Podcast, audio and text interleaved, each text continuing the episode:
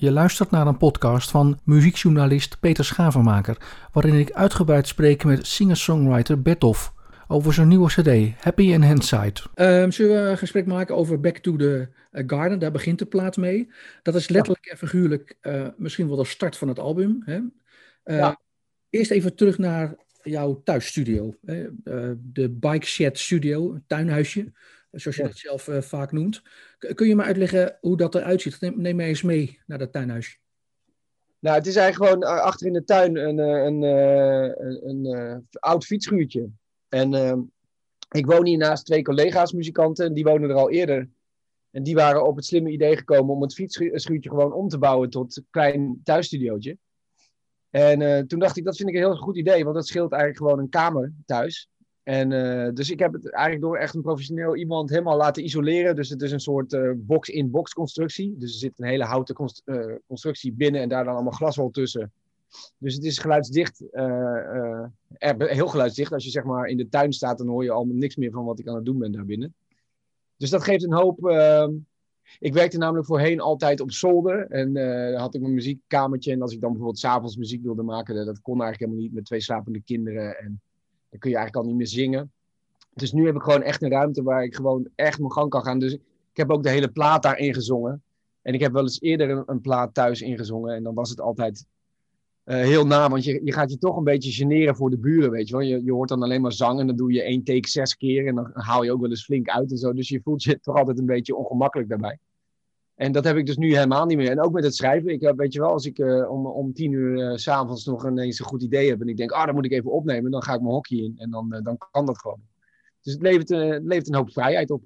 Ja, heeft dat de plaats sterker gemaakt in die zin? Ehm, ja, ik denk het wel. Ja. Ik, als ik het allemaal. Ehm, nou, je, je, namelijk je helemaal onbespied voelen tijdens het schrijfproces. Dat, is, dat, dat werkt wel bevrijdend als je toch het idee hebt dat mensen uh, meeluisteren of je, mensen je te, te, te, kunnen storen. Ik zat echt lekker afgezonderd en niemand hoorde me. En dat, dat is wel een goede basisvoorwaarde voor creativiteit, denk ik. Ja, in uh, Volkskrant Magazine van begin dit jaar, van 30 januari, zei je: Ik heb me heel goed vermaakt. Is dat eigenlijk wat er gebeurd is in die studio? Ja, zeker. Nou ja, kijk, eigenlijk uh, vind ik niks leukers dan, dan met liedjes bezig zijn. Het is ook een soort, voor mijn gevoel is het een soort knutselen. En, uh, en, en je gaat ochtends je hokje in zonder iets. En dan aan het einde van de dag heb je een soort demootje van een nieuw liedje. Ja, dat vind ik nog steeds een magisch, magisch proces. En het leukste wat er is. En dan liedjes verzamelen en langzaam een plaats zien ontstaan. En dat, ja, dat vind ik iets, dat, dat is eigenlijk gewoon ook echt mijn hobby. en en uh, zo voelt het, weet je wel. Toch in een soort speeltuin uh, zijn. Uh, dus ja. nee, ik heb me erg goed vermaakt. En ik was ook met die lockdown. de, de tour van de Majesty, die gingen natuurlijk uit. En maar nou moet ik wel zeggen dat ik daarvoor, ik heb echt de laatste jaren best wel veel opgetreden, veel gespeeld. En ik, er leefde al wel een soort behoefte bij mij om van, ik zou het wel lekker vinden om een keer een halfjaartje niet te spelen.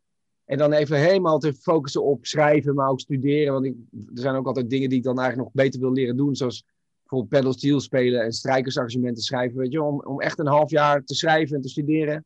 Dat leek me heerlijk. En toen kwam ineens die, eh, die lockdown. En uh, dus ik moet eerlijk zeggen, ja, hoeveel ellende het ook voor anderen heeft opgeleverd, dat het mij wel uh, best wel goed uitkwam. Dat ik dacht, nou, dan ga ik, uh, ik weet wel wat ik moet gaan doen, zeg maar.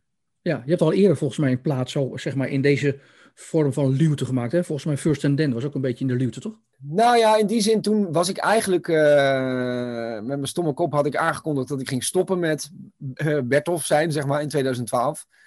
Uh, had ik nooit moeten doen, maar ik, op dat moment voelde ik van ik, ik uh, wilde het niet meer. En ik had ook net, mijn oudste zoon was geboren. Ik kon me eigenlijk niet voorstellen hoe ik het leven van muzikant en uh, vader kon combineren ooit of zo. Dus toen, toen, heb ik geroepen, ik stop ermee. En toen was er een tijd dat niemand iets van mij verwachtte of zo. Of, of ik ook geen, geen platendeal had. Dus dan kan je inderdaad in een soort, soort luwte gewoon je gang gaan. En nou ja, deze plaat is wat dat betreft, uh, dat, dat kon ook. Er was alle tijd voor en er was niemand die, uh, die erom vroeg. Uh, en ik, ik had gewoon zelf er heel erg veel zin in. Ja, wat ik wel las is dat je het lastig vond nadat je de plaat af had. Dat je eigenlijk zocht naar een perspectief. Je had zeg maar een product, Hij had een mooie plaat gemaakt. Maar, ja, wat nu, zeg maar, in een coronatijd? Hoe, hoe is dat gevoel nu met dat perspectief? Nou ja, er komt natuurlijk wel meer perspectief. Uh, ik, ben, ik hou nog steeds wel een beetje een slag om de arm op een of andere manier. Omdat ik denk van ja, je weet maar nooit wat, wat er... Weet je wel, de, de corona is, dat is zo'n slecht nieuwsshow de hele tijd. Weet je wel, dat me ook ergens niet zou verbazen als uh, de vaccins toch niet zo goed werken als verwacht. En er een variant komt waardoor we zeg maar nog, nog langer weer uh, alles moeten staken.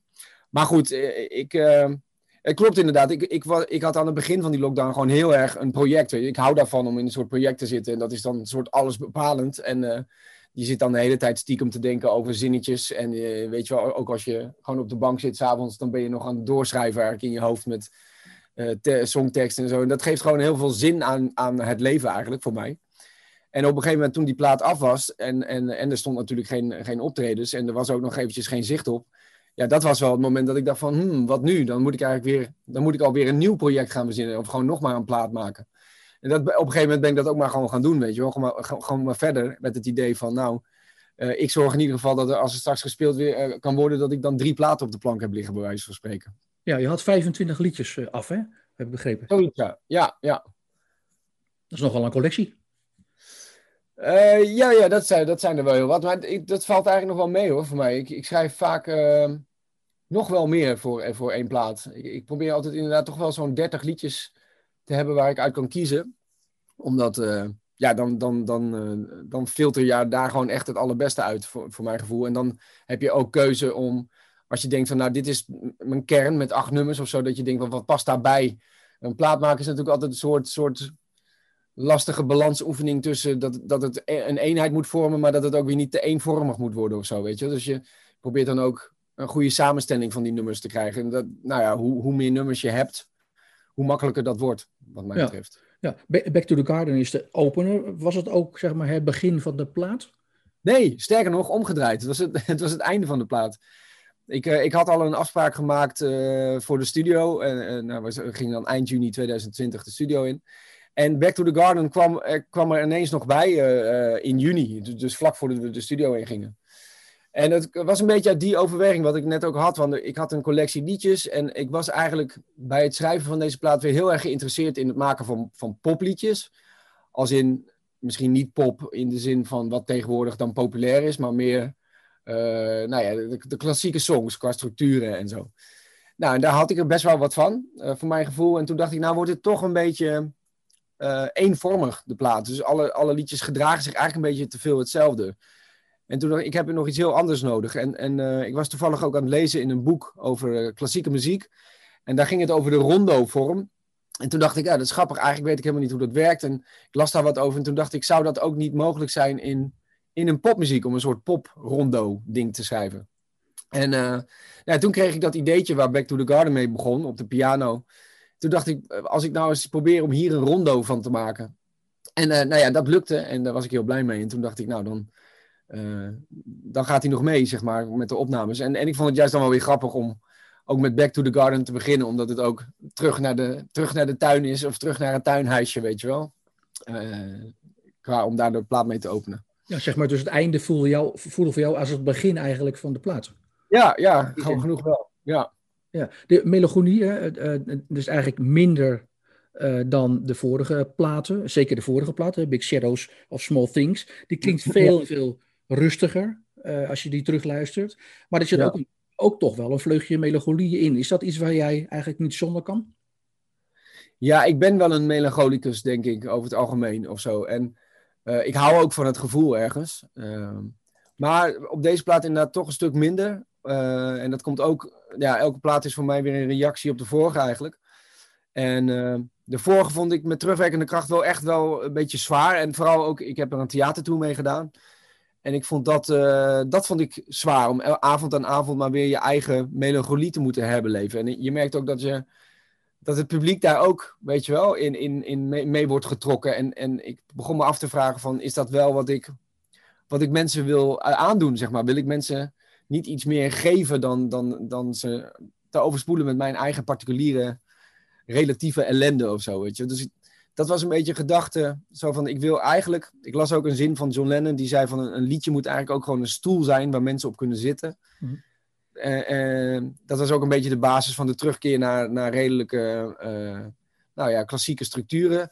En, en, dat ik dacht, ik wil mensen weer wat meer geven, wat meer houvast, wat meer troost. Of had misschien ook wel met de hele coronatijd te maken. Uh, dus dat, was, ja, en het is gewoon een reactie op de vorige plaat. Ik wilde, ik wilde eigenlijk gewoon, uh, ik voelde me trouwens ook beter dan uh, tijdens het schrijven van de vorige plaat. Dat was voor mij een periode waar ik me veel zorgen maakte, ook over mijn gezondheid. En achteraf bleek allemaal achteraf, uh, on, ongegrond, zeg maar, of was niet nodig geweest. misschien vandaar ook wel happy in hindsight. Um, maar ja, dus dit was echt wel duidelijk een tegenreactie op die vorige. Ja, zijn jouw liedjes geschikt voor theater? Heb je dat gemerkt?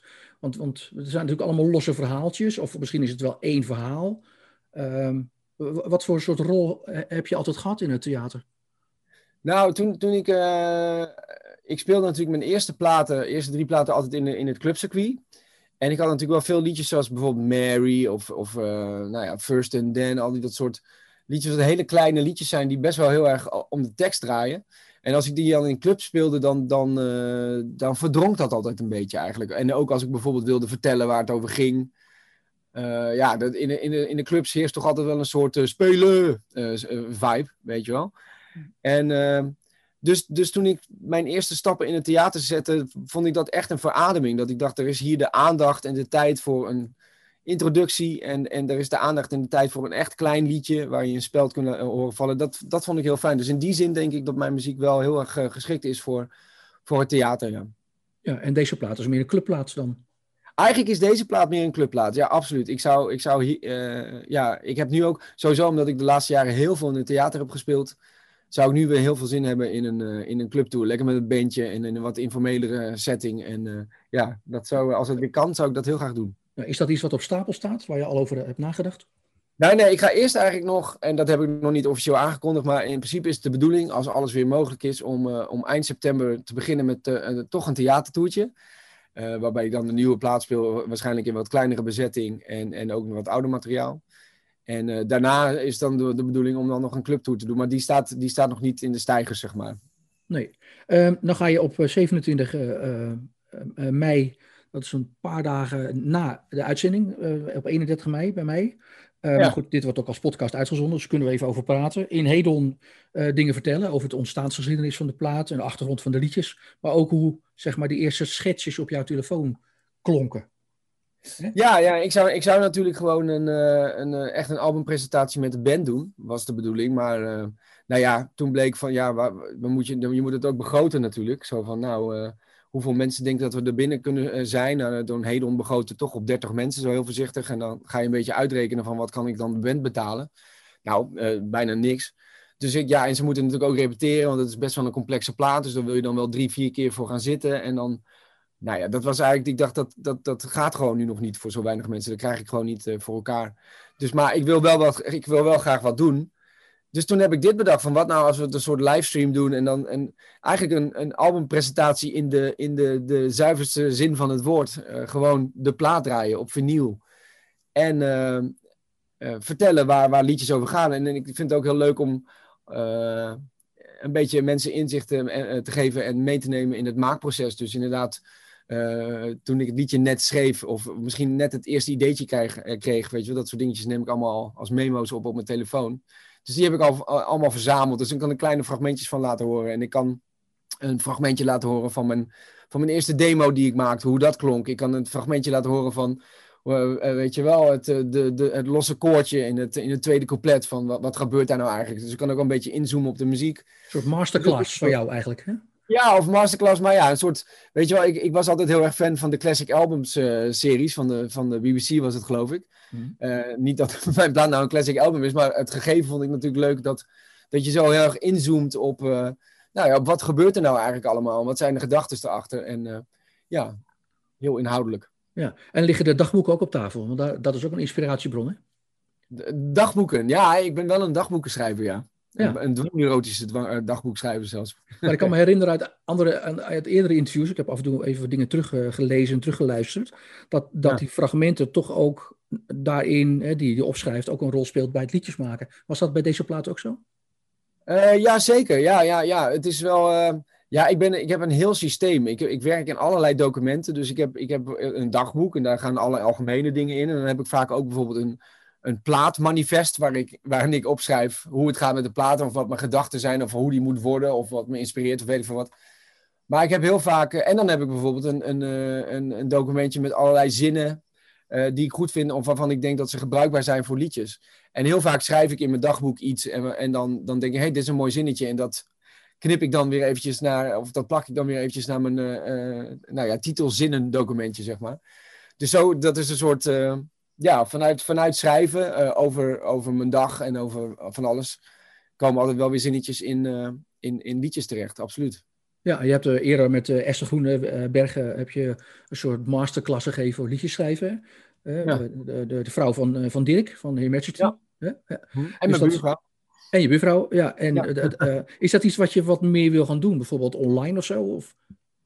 Nou, dat was eigenlijk gewoon ingegeven door, uh, door corona. Zo van, de, ik heb ooit het Songwritersgilde hier in Zwolle opgericht.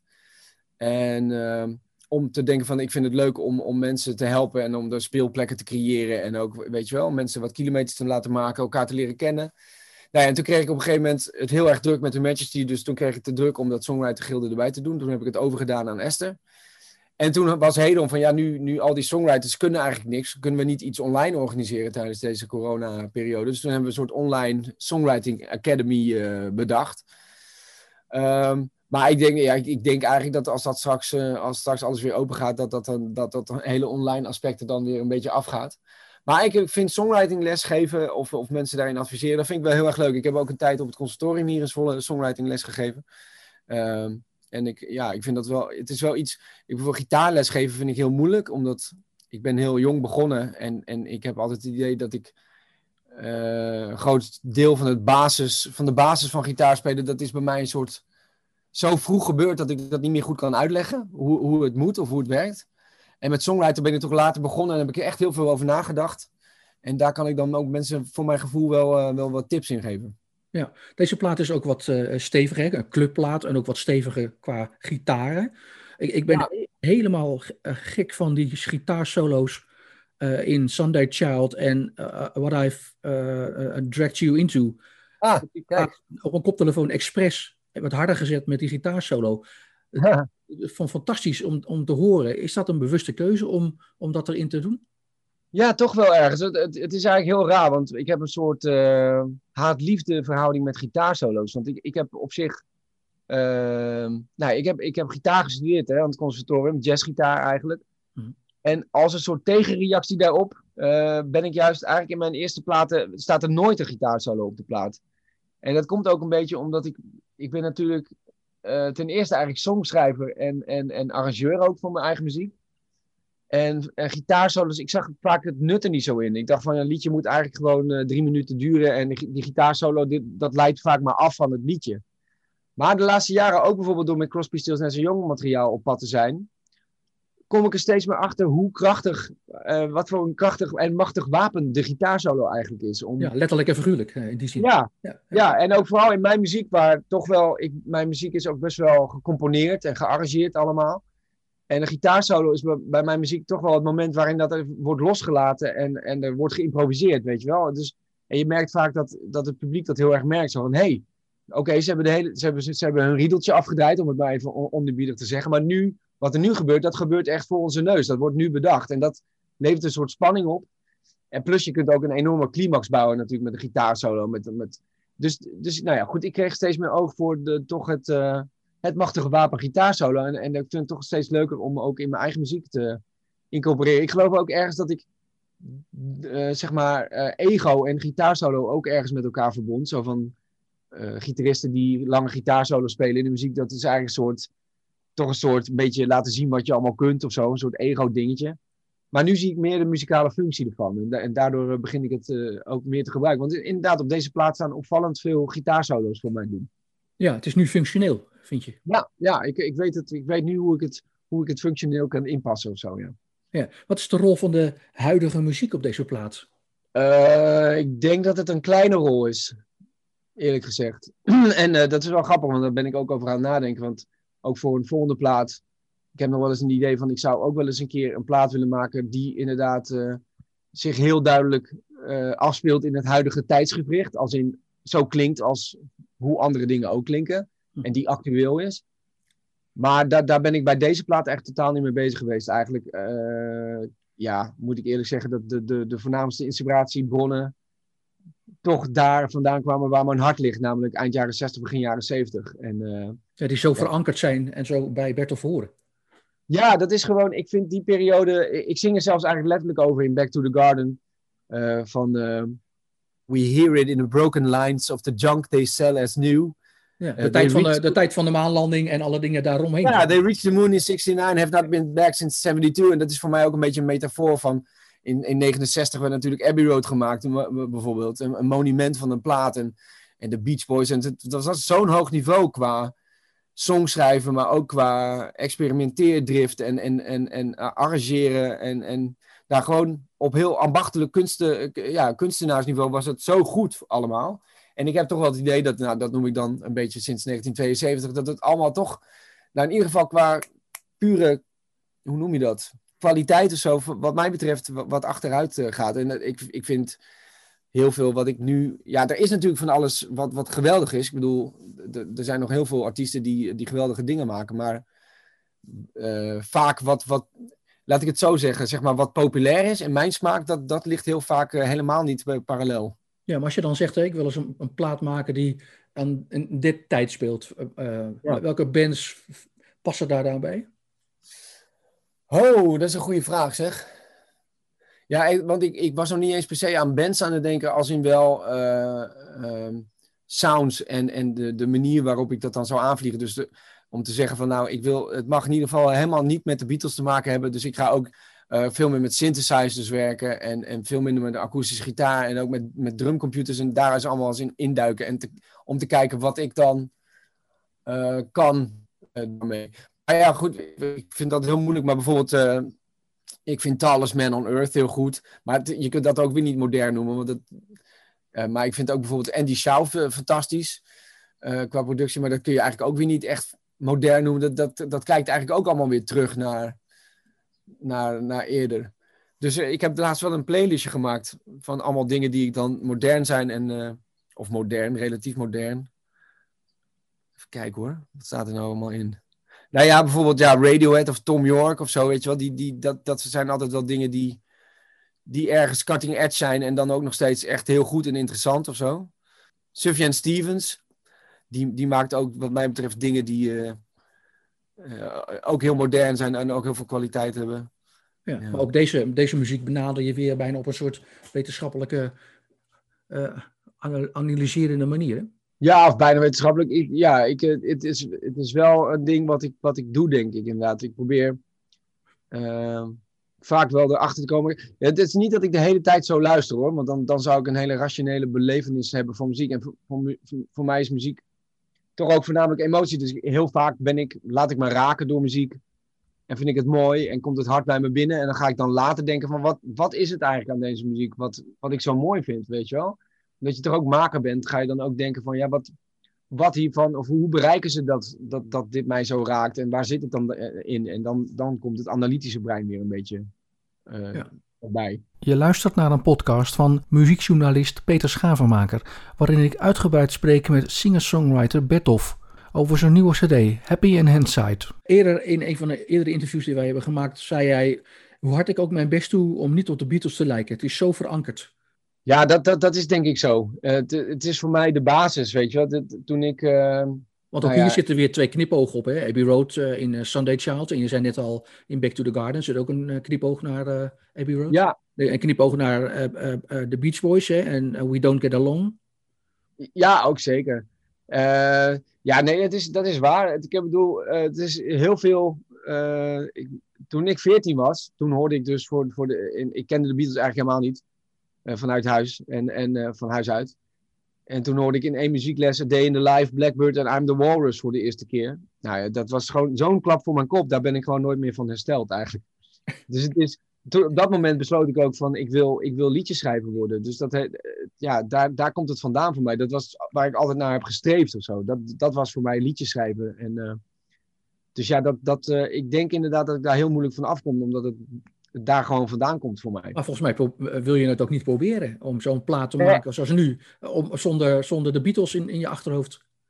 Nee, nee, gewoon Beatlesjes spelen. Dat is toch eigenlijk gewoon waar ik vanaf uh, 14-jarige leeftijd uh, mee begonnen ben. En dat, dat zit er nog steeds, uh, nog steeds in. Het is gewoon mijn grote liefde. Maar dan heb ik het ook over Beach Boys en, en ook Crosby, Stills en zijn jongen. Dat, dat waren eigenlijk allemaal dingen. De band, Paul Simon. Dat zijn eigenlijk allemaal dingen die ik zo'n beetje tussen mijn 14 en mijn 16e heb leren kennen. En dat is zo'n zo bepalende periode of zo uh, in, in je leven. Qua, want dan sta je zo open voor en alles vind je fantastisch. Ik, ik wou nu bijvoorbeeld nog wel eens dat ik zo hard geraakt kon worden door muziek als dat ik toen uh, werd geraakt. Maar dat is en, niet uh, meer gebeurd daarna? Nee, dat gebeurt. Nou ja, nog wel, maar gewoon veel, veel, veel zeldzamer zijn die momenten. Dat je, dat je denkt echt wauw. En dat je, dat je de hele dag een plaat op repeat zet, bij wijze van spreken. En er alles van wil weten. En dat, dat, dat wordt wel spaarzamer, die momenten. En uh, ik, ik denk dat, omdat dat zo in, op je long, jonge leeftijd dan zo gebeurt, dan, dan, dan, gaat dat zo in je zitten of zo. Ja. Ja, er zit ook een, een wat ouder liedje hè, uit de liedjesmap uit 2006, 2007. Dat nummer wat ik net zei, We Don't Get Along. Is dat het ja. enige waarbij je teruggrijpt naar je liedjesmap? Uh, nee, want uh, Welcome Time Travelers is ook een ouder liedje. Dat, uh, dat, dat is een liedje wat eigenlijk al uh, in 2011 hebben we dat geschreven. En dat heeft voor, ik geloof, drie platen heb ik die opgenomen.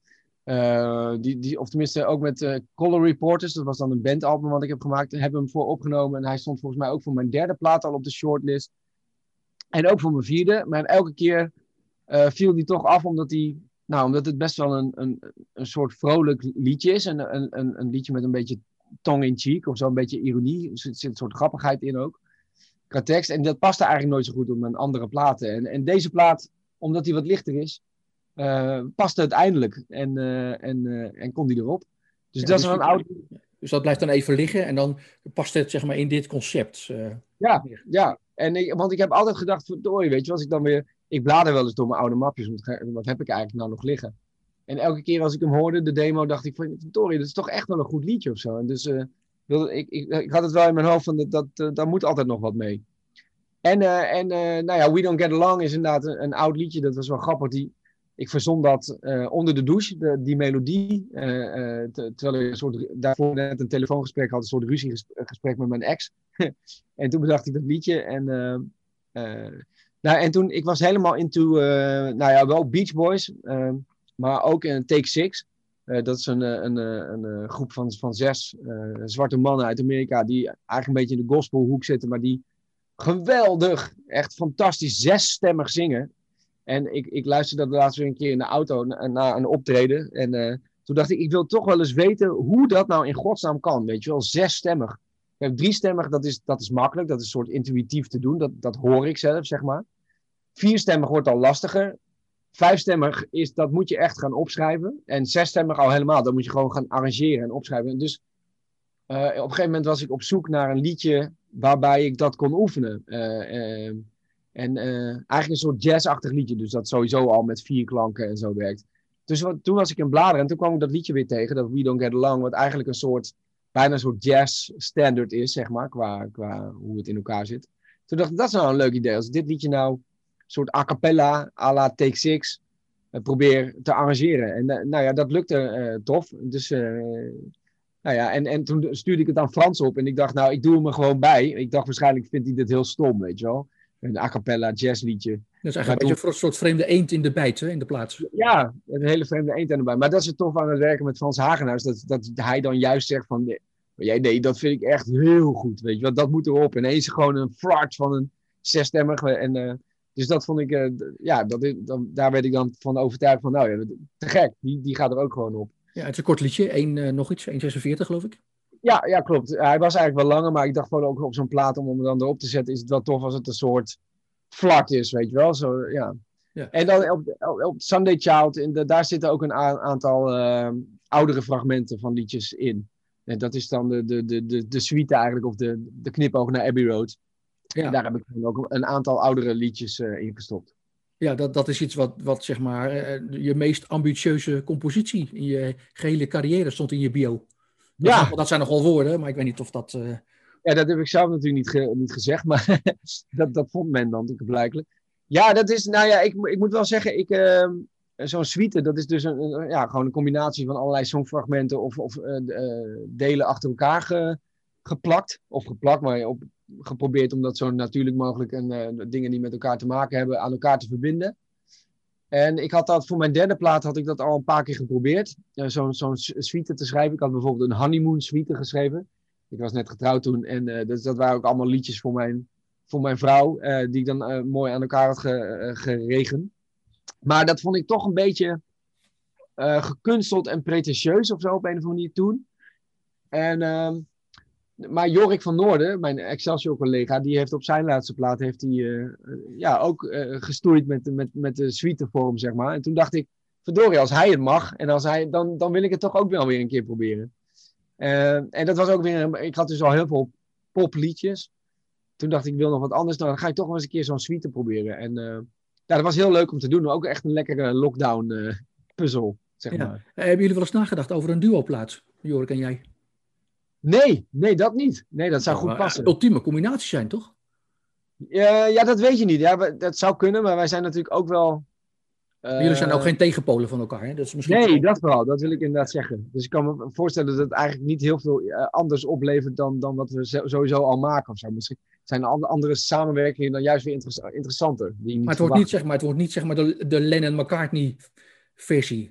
Nee, nee, want wij zijn meer, het wordt zeg maar Paul McCartney in het kwadraat wordt het dan misschien. Ja, precies. Te Paul McCartney wordt het. ja, You're Not Gonna Get It Every Day. Dat is eigenlijk een liedje, hè, dat, dat gaat eigenlijk ook over lack of inspiration. Dat is een van de tekstregels. Uh, ja. Heeft dat gespeeld tijdens het maken van de plaats? Nee, helemaal niet. Nee, dat was, uh, het is eigenlijk meer... Dat is trouwens ook al een oude liedje. Dat is ook al uh, uit 2011. Oh, grappig. die noemde ik net nog niet. Maar, maar dat is ik schreef dat eh, sowieso, er is een aantal inspiratiebronnen uh, voor. Uh, sowieso een interview van John Lennon, wat hij met Rolling Stone gaf ooit. Daar is hij weer, Beatle Alarm. maar die zei zoiets van... ja. maar die zei, ja, weet je wel, hou vol, misschien zijn we binnenkort een moment gelukkig. dus dat vond ik altijd mooi, zo van... Je, ja, je bent dus niet elke dag gelukkig. Een, een geluk duurt maar een moment. Af en, en dat is heel af en toe. En een interview met Le Leonard Cohen. Die, die, daar is net het citaat van You're not gonna get it every day. En dat, dat ging eigenlijk over, over liedjes schrijven. Zo van je moet elke dag gaan zitten. Uh, het is als een visser die elke dag weer zijn, zijn uh, hengel in het water werpt. Uh, maar je vangt lang niet elke dag zomaar wat. En, dus dat vond ik ook een mooi beeld. En dan, ga, en dan, en dan zetten er ook nog uitspraken in van Harry Mulisch. die volgens mij uit de klassieke oudheid dat al een beetje heeft ge, ge, gejat, zeg maar. Maar het idee dat in elke uh, rots eigenlijk gewoon een beeldhouwwerk zit. En dat, je, dat de kunstenaar vaak alleen maar in de weg zit. En dat je, dat je alleen maar het over, overtollige steen hoeft weg, weg te hakken. Weet je wel? Dus het beeld zelf is er al. Dat vind ik ook een, mooie idee, een mooi idee om over, over uh, nou ja, uh, schepping of inspiratie na te denken. Dus al die dat soort dingen wat, wat ik interessant vond over over het schrijven of over het proces heb ik daarin gestopt. Uh, Harry Mulisch is zelfs een inspiratiebron. Uh, en, ja. en, en, de grote Johan Cruijff ook. Hè? In het, eh, Zeker. Uh, ja, ja, in Don't Look Up and Don't Look Down. Dat vind ik een mooi verhaal hoe je dat hebt gemaakt. Ja, dat, dat, is, dat kwam, kwam tot stand inderdaad na het lezen van, van de, de, de, biografie van Cruijff van, door Auke Kok. Mm -hmm. Wat ik een geweldig boek vond, omdat het ja, leest als een jongensboek. Weet je, je, ik heb Cruijff natuurlijk eigenlijk nooit zien voetballen, want uh, ik ben uit 80 en in ja, 84 voetbalde natuurlijk nog bij Feyenoord, maar toen was ik nog niet uh, een voetbalkijker. Dus ik ken alleen oude beelden en ik ken het respect van mijn vader van als, als Cruijff de analyses deed in de rust van het Nederlands elftal. Dat, dat iedereen dan stil moest zijn, want we gingen luisteren naar wat Cruijff zei, weet je wel. Bijna heilig.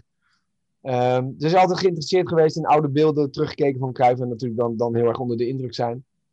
Dus dat, dat boek las als een soort jongensboek, vond ik fantastisch. Omdat je, nou ja, dan, dan krijg je Europa Cup jaren, eh, jaren 60 van Ajax. En dan weet je dat de eerste Europa Cup winst toch moet komen. En dan nog 74 met Nederland zelf dan. En dan nog Barcelona en al dat soort dingen. Dus dat, dat vond ik geweldig. Maar ook, ik werd vooral getroffen eigenlijk door, door het soort van, de, de, het karakter van Johan Cruijff. Of de, de, het wereldbeeld waar, van Johan Cruijff wat een beetje uit, die, uh, uit het boek opdoemde. Namelijk gewoon dat hij nooit is gaan opkijken. Of dat hij nooit heeft opgekeken tegen, tegen bobo's of, of mensen die dan uit een hè, andere klasse uh, uh, dan hij kwamen. Omdat hij natuurlijk wel van eenvoudige komaf is. Maar dat hoe belangrijk en, en, en, en, en rijk en, hij ook is geworden, dat hij ook nooit is gaan neerkijken op zijn eigen komaf. Hij kon eigenlijk met iedereen goed opschieten. Hij maakt geen, geen onderscheid tussen mensen. Nee, Paul McCartney had zijn familie, was ook eigenlijk een eenvoudige komaf, toch? Ja, nou ja, dat wou ik net gaan zeggen. Want, want, uh, want ik las eigenlijk in dezelfde tijd een interview met McCartney, die, die precies hetzelfde zei. Ook zoiets van onderschat nooit iemand. En dan had het over zijn oom, die dan gewoon in een katoenfabriek werkte. Een eenvoudige man, maar die dan wel uh, de kruiswoordpuzzels bedacht voor, voor de, de, de krant in Liverpool. Uh, zo van, er zit vaak nog zoveel meer bij mensen dan, dan je in eerste instantie denkt of zo. Dat, dat is iets wat, wat met mij resoneerde, omdat ik dat zelf ook eigenlijk wel wel achter was gekomen. Dus ik dacht, ik vind ik een mooi onderwerp om op een of andere manier in een liedje te, te proberen te vatten. Uh, nou ja, de levenswijsheden van, van mijn twee helden eigenlijk, Cruijff en McCartney. Ja. Zit er een soort Cruyffiaanse uh, zin in, in de lied? Uh, je bedoelt, bedoel je dat letterlijk of figuurlijk? Letterlijk? Nee, ik denk niet een letterlijke citaat van Cruijff of zo, nee. nee. Nou, misschien, en, en don't take ever take shit from someone rich gets. Just remember that his shit stinks too. Dat is ook wel een mooie, een beetje een Cruyffiaans-achtige... Ja, dat, is wel een beetje, dat zou wel Cruyffiaans kunnen zijn, ja, precies. Ja, maar dat is wel, dat is wel mooi. De, de Jayhawks spelen ook een rol hè, in uh, Waiting in the Wings. Eigenlijk, eigenlijk misschien wel een soort corona-achtig uh, uh, inspirerend liedje. Althans, hè, wat, wat daarna na, na de corona gebeurt. Ja, nou, het, is, het is inderdaad het is een zinnetje wat ik al een tijd had liggen. Waiting in the Wings. En dat, schrijf ik dan op omdat ik gewoon denk dat het, dat is een mooi beeld. En het, het klinkt ook goed. Het allitereert, weet je. Dat, dat, klinkt als een lied. en en toen, toen las ik dus door mijn, mijn ideetjes mappie. En toen dacht ik, hé, hey, maar dat is eigenlijk nu wel heel uh, actueel geworden. Waiting in the Wings, dat is eigenlijk wat we allemaal doen, weet je wel. En vooral voor muzikanten. We, we, wachten allemaal in de coulissen tot we weer op mogen. Dus toen dacht ik, dat vind ik dan nu wel een mooie aanleiding om dat liedje ook echt te schrijven. En, en het, is, gaat, het gaat enerzijds letterlijk over, over, over ons, hè, dat we weer op mogen. Maar aan de andere kant gaat het eigenlijk ook over... Ik heb het liedje ook een beetje verkleed als een uh, gewoon een, een, gast die wacht tot een meisje weer beschikbaar wordt. Uh, want zo kun je het ook zien, weet je wel. Waiting in the wings. Ik, ik, ik wacht tot het, de coulissen tot, ik, tot mijn kans er is of zo, weet je Dus ik heb het, je kunt het op meerdere manieren interpreteren. Ja, en, en waarom zeg maar dan de, de, invloed of de, eh, de, de rol van de Jayhawks, zeg maar, als inspiratie? Ja, omdat ik de Jayhawks gewoon geweldig vind. En, en, en uh, we zaten met de Majesty trouwens ook in een country rock programma. Mm -hmm. Dus ik zat daar sowieso wel een beetje in de country rock vibe. En uh, eh, J-Ax is natuurlijk ook country rock. En het was niet, het was niet een bewuste keuze, maar ik, ik, vind zelf dat... Ik hoor zelf daar de, de invloed van de Jayhawks wel ergens in. Een beetje die Tomorrow the Green Grass plaat en, en uh, die daarvoor zit, Hollywood Town Hall. Dat zijn platen die ik fantastisch vind of zo. Dat is ook een soort deel van mijn ja, van, eh, ja, hoe noem je dat? Een soort het muzikale landschap waarin ik mij thuis voel. En, en, en dat kwam bij dit liedje dan een beetje bovendrijven. Ja, Her Majesty, dat is eigenlijk eh, iets wat uh, plotseling moet stoppen, ook weer door corona. 60 optredens in de planning na 20 voorstellingen al op slot. in 2020 zou voor de band een superjaar worden, natuurlijk. Ja. Op 21 augustus in Concertgebouw en 26 augustus in Tivoli Vredeburg, als alles doorgaat, natuurlijk. Ja. wat zijn verder de plannen met Her Majesty? Um, nou, um, uh, in, in, principe wordt de Are You Ready voor de Country Tour wordt hervat uh, in 22, het voorjaar. Maar daar ben ik dan niet bij, omdat ja, ik heb nu een plaat gemaakt en ik, ik, ik heb ook nog andere projecten op stapel. En de, nou, daar geef ik nu even de prioriteit aan, zeg maar. Is dat een project met drie mensen die je nog wil aankondigen? Of? Ja, er is nog een project met drie andere songwriters. Ja. Dat, dat, dat, uh, dat wordt allemaal nog aangekondigd. Maar dat, er is de, daar is al een plaat mee gemaakt. En, uh, en, nou, het is, het is niet in het Engels. Oh, kijk. En het zijn best wel songwriters van, van naam en faam. In ieder geval allemaal beroemder en bekender dan, dan ik. Dus voor mij een heel leuk, leuk project. Ja, maar dat, dat, dat wordt allemaal ergens volgend jaar ook wel bekend. En dat is eigenlijk een plaat die ook al uh, in, uh, ja, uh, die was ook al in 2019 af eigenlijk die plaat. Dus die ligt ook al een tijdje. Dus dat moet ook allemaal. Dus dat betekent dat voor mij dan ja, volgend jaar Her die niet. Want het was allonder best wel lastig om te verplaatsen en te verschuiven. En alles werd natuurlijk twee jaar naar achter geschoven. Dus ik moest er ergens een keuze maken. Dus uh, Her Majesty zonder mij gaat in ieder geval Are You Ready for the Country hervatten. En wat, wat daarna de plannen zijn voor Her Majesty, dat weten we nog niet. dan moeten, we, dan moeten we eens kijken of er nog een band of een artiest of een, of een verhaal is wat we, wat we alle vijf even leuk vinden om te doen. Ja, maar goed, maar Bauke Bakker speelt op deze plaat mee, hè? Ja, zeker. Ja. En en uh, Dirk Schreuders trouwens ook. Uh, ja. Die doet ook mee. En nee, dat is, het is ook gewoon... ja, ik speel al zo lang met, met, met Bouke en Dirk. ik heb ermee op het conservatorium gezeten. Dus ik, ik ken ze onderhand al nou, een jaar of 22 of zo. Ja, de, de collage die is ook erg, erg mooi. Gemaakt door Judy van Dijk.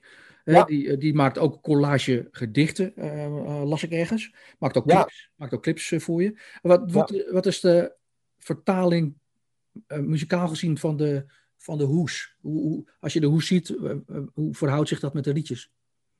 Nou, ik wilde, ik heb Yehudi, dan geef ik een soort carte blanche. Behalve dat ik, dat ik een soort gevoel heb van, van een, een, wat er bij deze plaats zou passen. En dat is in ieder geval kleurrijk en, en speels. En ik wilde ook graag een collage, omdat, omdat uh, nou ja, Yehudi maakt inderdaad veel collages.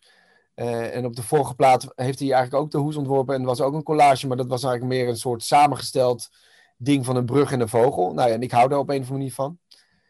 En ehm, dus ik heb hem gezegd van, ik wil, ik heb een aantal voorbeelden gegeven van collage. Er zijn natuurlijk wel meerdere collageplaten gemaakt in het verleden. Uh, bijvoorbeeld van Tim Christensen, de plaat Honeyburst, wat ik ook een geweldige plaat vind. Die heeft ook een soort collageachtig ding. En daar heeft natuurlijk ook een klein 60s, 70s ook, waarin dat veel gebeurde. En dat, dat is het enige wat ik hem heb meegegeven. Zo van, ik, collage lijkt me tof, kleurrijk uh, en interessant. Gewoon waar je allerlei verschillende dingen in kunt uh, zien. Toen is hij aan de slag gegaan en toen kwam hij hiermee. En dat vond ik gelijk, gelijk geweldig. Ja, Mystery Magnet, dat is, dat is een liedje wat volgens mij weer teruggaat op vorige platen, dat het meer over jouw eigen persoonlijke sores en dingen gaat, in tegenstelling tot andere, andere liedjes op de plaat. Dat maakt het een soort buitenbeentje, of niet? Nou, ik vind het. Uh, ik weet, het gaat. Het is wel grappig. Het, voor mijn gevoel gaat het niet over mezelf. Al zou je het ook best wel als over, in, uh, over mezelf kunnen bestempelen. Maar het gaat meer over. Ik merk dat op Twitter namelijk. Dat je, je hebt van die mensen die, die als een soort magneet tot andermans ellende worden aangetrokken. Die, die je de hele dag ziet reageren op van, uh, ja, vandaag is mijn hond overleden. Ach, schatje, wat erg, heel veel sterkte, weet je. En dan de hele tijd alsof ze daarna op zoek zijn naar, naar, naar ellende. En uh, dat was eigenlijk de inspiratie daarvoor. Maar ik heb daar zelf ook al een beetje last van hoor. Niet op Twitter, maar nee, ja, qua... Het is wel een thema op deze plaats. Zo van, eigenlijk van, stel je nou niet zo aan, man. Is dat wat je zegt? Stel je niet zo aan? Je hebt toch alle reden om dat niet te doen. Nou ja, nee, dat is, dat is, dat is wel een beetje wat ik, wat ik af en toe tegen mezelf moet zeggen. Ja, zoals in Happy in Hindsight zeg ik ook van, uh, weet je wel, ik... ik uh, ja, dat ik je hoor... lastig van dingen kan genieten en dat je... Ja, en, en ik zeg eigenlijk tegen mezelf van, ik, ik, hoor, weet je wel, als ik oude platen van mezelf opzet, dan hoor ik iemand die heel erg graaft naar zijn eigen ellende, uh, terwijl die misschien vergeet dat hij dat door de beste jaren van zijn leven, weet je wel, aan het leven is. En uh, dat is een beetje wat ik nu besef. Zo van, nou, laten we er al in godsnaam ook een beetje van genieten op het moment zelf. En, en, uh, en, en, en uh, oh ja, ook qua muziek, weet je wel. Niet, niet zo graven naar, naar je eigen melancholie of zo. Want, alsof dat het enige ware gevoel is. En ik ben ook niet de hele dag een melancholisch persoon. Ik, ben, ik heb wel een melancholische kant, maar ik heb ook, ook, ik heb ook een lichte en, en, en vrolijke kant. Eigenlijk best wel regelmatig. Dus, en ik denk dat dat een kant is waar ik me beter aan kan vastklampen. En, uh, en, en die nu muzikaal ook met deze plaat meer uh, over het voetlicht komt. Ja, ja de titel vertelt eigenlijk hè, dat je vaak pas achteraf gelukkig kunt zijn. Ja. Maar, maar dat lijkt me nou lastig als je deze plaat maakt. Het, we hadden het in het begin van het gesprek even over perspectief. Dat je daarop moet wachten. hoe hou je dan zo'n plaat houdbaar? Want als je, als je dat gevoel erbij hebt, want ja, als je, je moet het dan laten liggen. Je wilt ja. er echt iets mee doen en je bent pas achteraf gelukkig. Dat lijkt een beetje een soort dubbel gevoelgevend. Nou ja, over een plaat houdbaar uh, houden, dat is een interessant idee. Want ik heb daar altijd, daar heb ik altijd wel last van. Ik, ik wil eigenlijk dingen zo, zo snel mogelijk uitbrengen, omdat het dan nog vers is.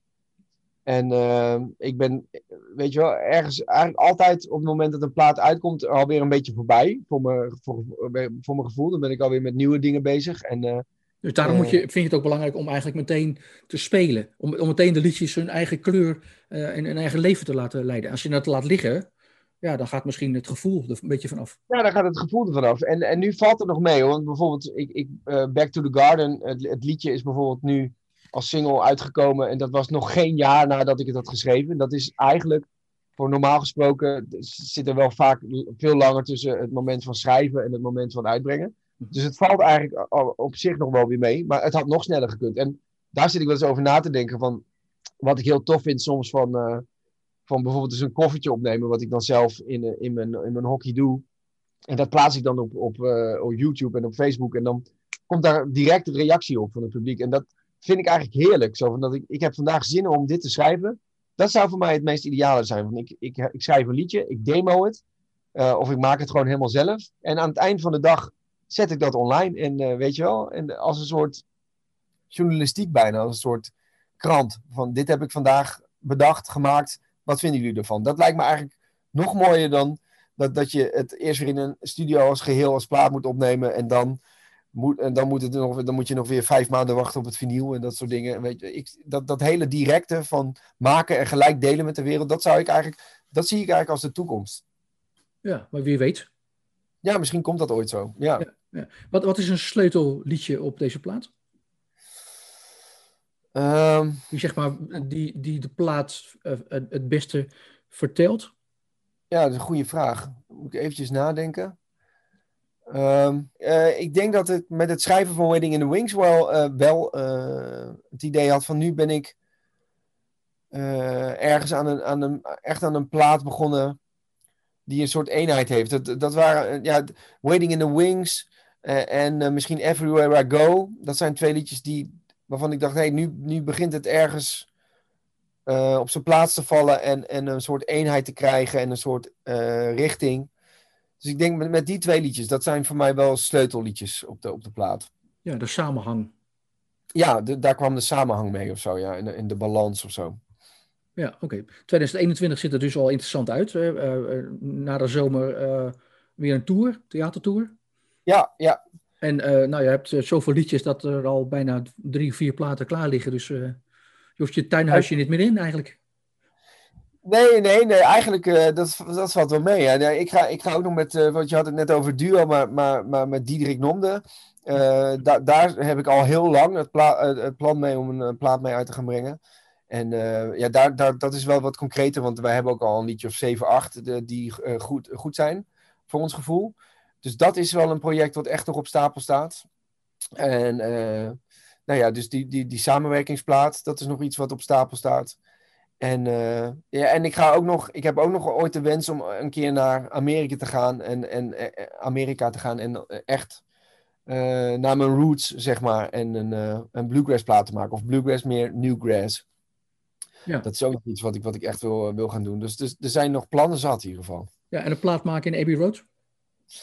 Ja, zou ik ook leuk Dat gaat, dat gaat Jorik natuurlijk ja, uh, af doen. Hè? Dus, uh, nee, uh, dat zou ook leuk zijn, zeker. Maar, maar nou ja, voor mij kwam zeg maar de, de bluegrass, dat is eigenlijk waar ik echt mee ben opgevoed. En dat is eigenlijk, ja, dat ligt misschien nog wel dichter bij mijn hart. Dan, dat voelt nog meer als thuis dan, dan Abbey Road, zeg maar. Nashville is eigenlijk misschien nog meer thuis dan, dan Londen. Oh, dat is nog een pittige uitspraak. Ja, ja. Nee, maar dat, dat, daar, die daar begon speelt, ja, ja, ja. Ja, precies. Maar daar begon, het, daar begon het eigenlijk echt mee, weet je De liefde voor muziek, überhaupt. En uh, ja, dus dat, dat lijkt mij... Ik, ik heb een soort droomplan dat ik nog eens een keer met mijn allerfavorietste muzikanten uit, uit die scene uh, een, een plaat zou willen maken. En uh, ik ben aan het kijken of ik dat voor elkaar zou kunnen krijgen. Geweldig, geweldig. Ja. Nou, ja het, het, het, was mij wederom weer genoeg hè, om met je te praten. Ja, mij ook. Het was een heel leuk gesprek.